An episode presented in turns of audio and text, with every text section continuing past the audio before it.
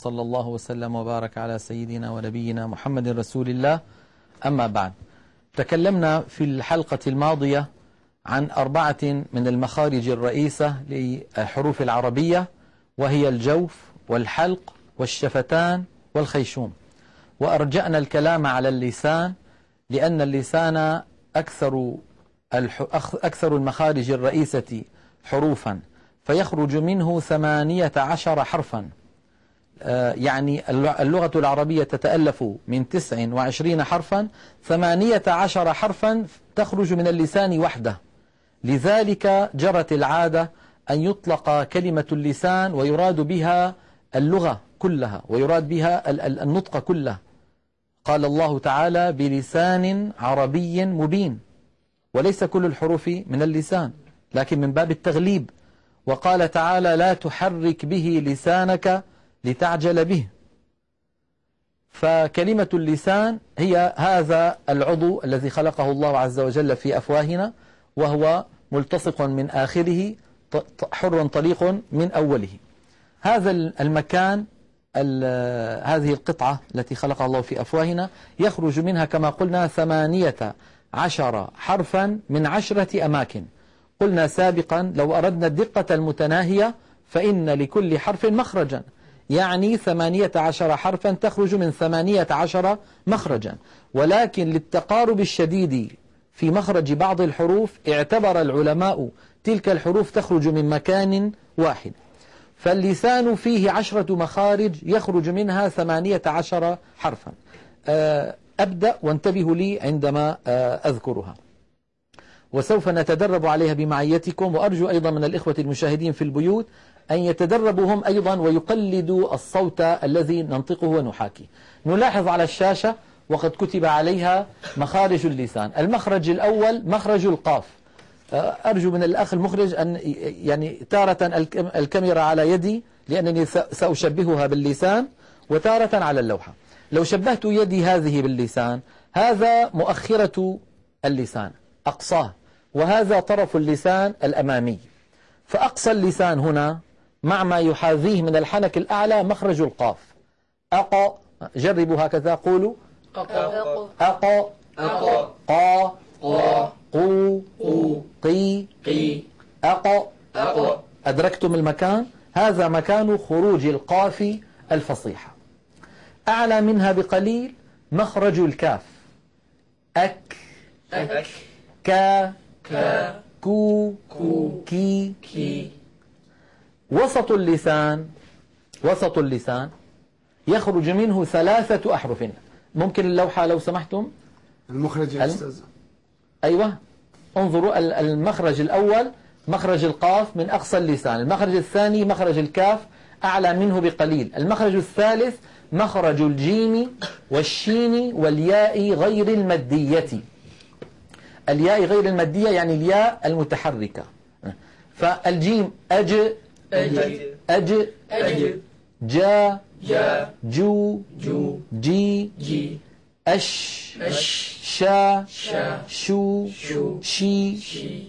أي أي يا يا يو يو يي هذه كلها من فين؟ من وسط اللسان المخرج الرابع من حافة اللسان مخرج حرف الضاد آه الكاميرا عليه لو سمحت لو شبهنا يدي هذه باللسان هذا المكان اسمه حافة اللسان وهذا هي الحاف هذه هي الحافة الأخرى للسان حافتان حافة يمنى وحافة يسرى من هذين المكانين أو من أحدهما مع ما يحاذيه من الجدار الداخلي للأضراس العليا مخرج حرف الضاد ضا ضا ضا نعم لاحظوا بارك الله فيكم لما أقول أض أو أقول ضا كل هذه المنطقة تلتصق على غار الحنك الأعلى كلها لكن الضغط والاعتماد يعبر عنه العلماء بكلمة الاعتماد يكون على هذين المكانين هذا المكان مشارك طرف اللسان مش... لكن ما عليه ضغط الضغط هنا هنا في مشاركة لكن الضغط ليس عليها فلما نقول الضاد من حافة اللسان مع ما يوازيها من الجدار من الصفحة الداخلية للج- للأسنان للأضراس العليا نعني مكان ضغط الحرف وانحباسه أض أض أض أض ضا ضا ضا ضا ضرب ضرب ضو ضو ضرب ضرب ضي ضي ضيزا ضيزا ضي ضي ضيزا ضيزا أدركتم ال- المكان لأنه يختلط عند بعض الناس بصوت الدال المفخمة يقولون ولا الضالين ولا الضال هذه دال مفخمة لأن الذي ينطقها هكذا يجعل ضغطه واعتماده على طرف اللسان وكما نعلم أيضا بعض الناس يخرجها من مخرج الظاء فيقول الض أه؟ الضاد حرف الضاد يعني الضاد ما في شيء في اللغة اسمه ضاد في شيء اسمه ضاد وهناك حرف آخر سيأتي معنا هو حرف الضاء فالضاء شيء والضاد شيء آخر لكن سبحان الله في العاميات هناك خلط كبير بين الضاد وبين الضاد الضاد الفصيحة كما نطقناها نعيدها لصعوبتها أض أض ضا ضا ضو ضو ضي ضي واضح؟ نعم ننتقل إلى المخرج الذي بعده وهو مخرج حرف اللام وهو المخرج الخامس اللام آه، من أدنى حافة اللسان إلى منتهى حافة اللسان من الجهتين لو لو لاحظتم هكذا على الشاشة هذه المنطقة كلها تشارك في حرف اللام فنقول ال ال ها الكاميرا ال هذه المنطقة فقط هي التي تقرع ما يحاذيها من غار الحنك الأعلى ال ال ها بينما الحافتين اللتين كان يخرج منهما حرف الضاد الآن لا ينطبقان على شيء ال ال الحمد لله رب العالمين الحمد لله رب العالمين مرة ثانية مع بعض الحمد لله رب العالمين إذا اللام من, من هذا المكان ال نعم المخرج الذي بعده من طرف اللسان فوق مخرج اللام بقليل مخرج حرف النون أن قولوا أن أن أن أن لاحظوا أنه فوق اللام قليلا ال ال أن أن ال ال- أن أن نا نا نو نو ني ني واضح؟ نعم المخرج الذي بعده مخرج الراء أيضا من طرف اللسان ومما يحاذيه من الحنك الأعلى لكن أدخل إلى ما بعد النون أدخل إلى ما بعد النون ففين المكان الذي كنا نقرع به حرف النون فنقول أن الراء الأعمق منه بقليل أن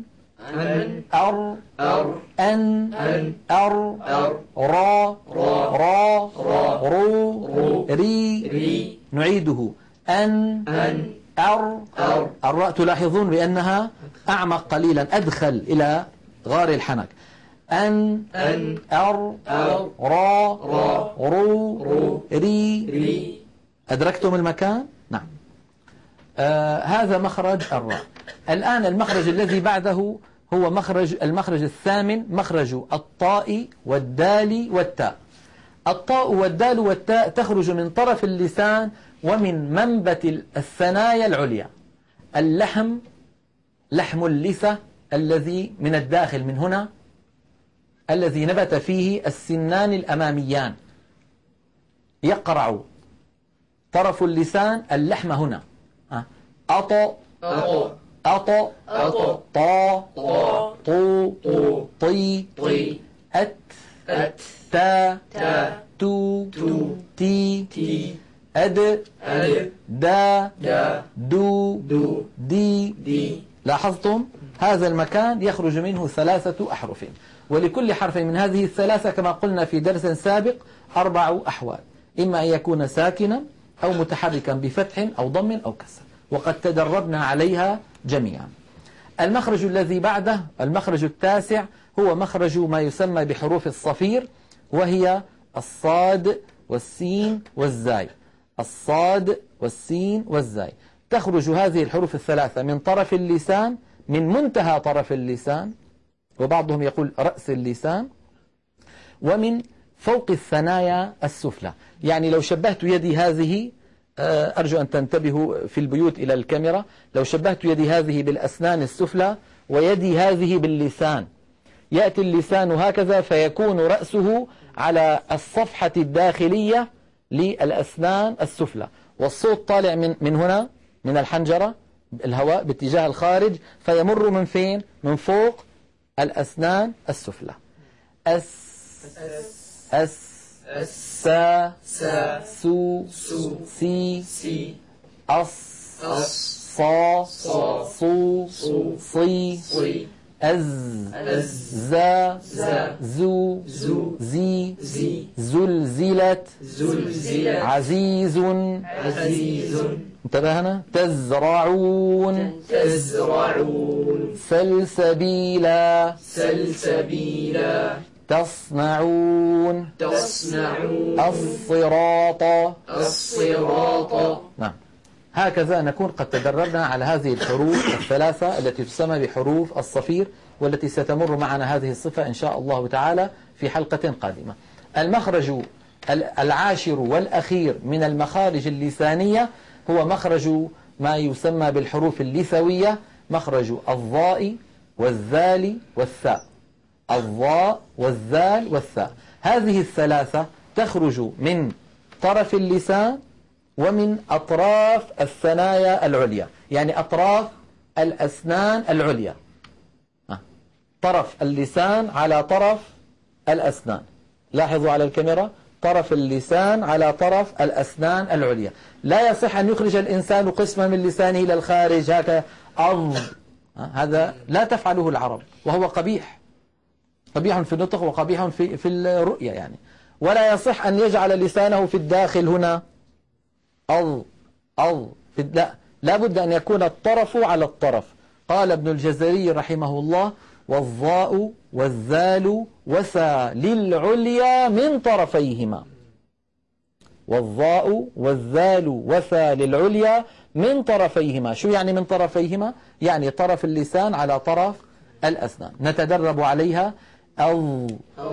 ظا ظا ظو ظو ظي ظي أذ أذ ذا ذا ذلك الكتاب ذلك الكتاب ذو ذو منذ منذ ذي ذي ذي ذي ذي ذي واضح أث أس ثا ثا ثو ثو ثي ثي نعم هذه الحروف الثلاثة سميت الحروف اللثوية لخروجها من قرب اللثة واللثة هي اللحم النابت حول الأسنان والعرب تسمي الشيء بما جاوره أحيانا العرب تسمي الشيء بما جاوره فقولهم الحروف اللثوية ليس معناها أنها تخرج من لحم اللثة وإنما تخرج من قرب لحم اللثة ومن وهي من أطراف الأسنان العليا مع طرف اللسان وصلى الله على سيدنا محمد وعلى آله وصحبه وسلم هذه هي الحروف اللسانية الثمانية عشر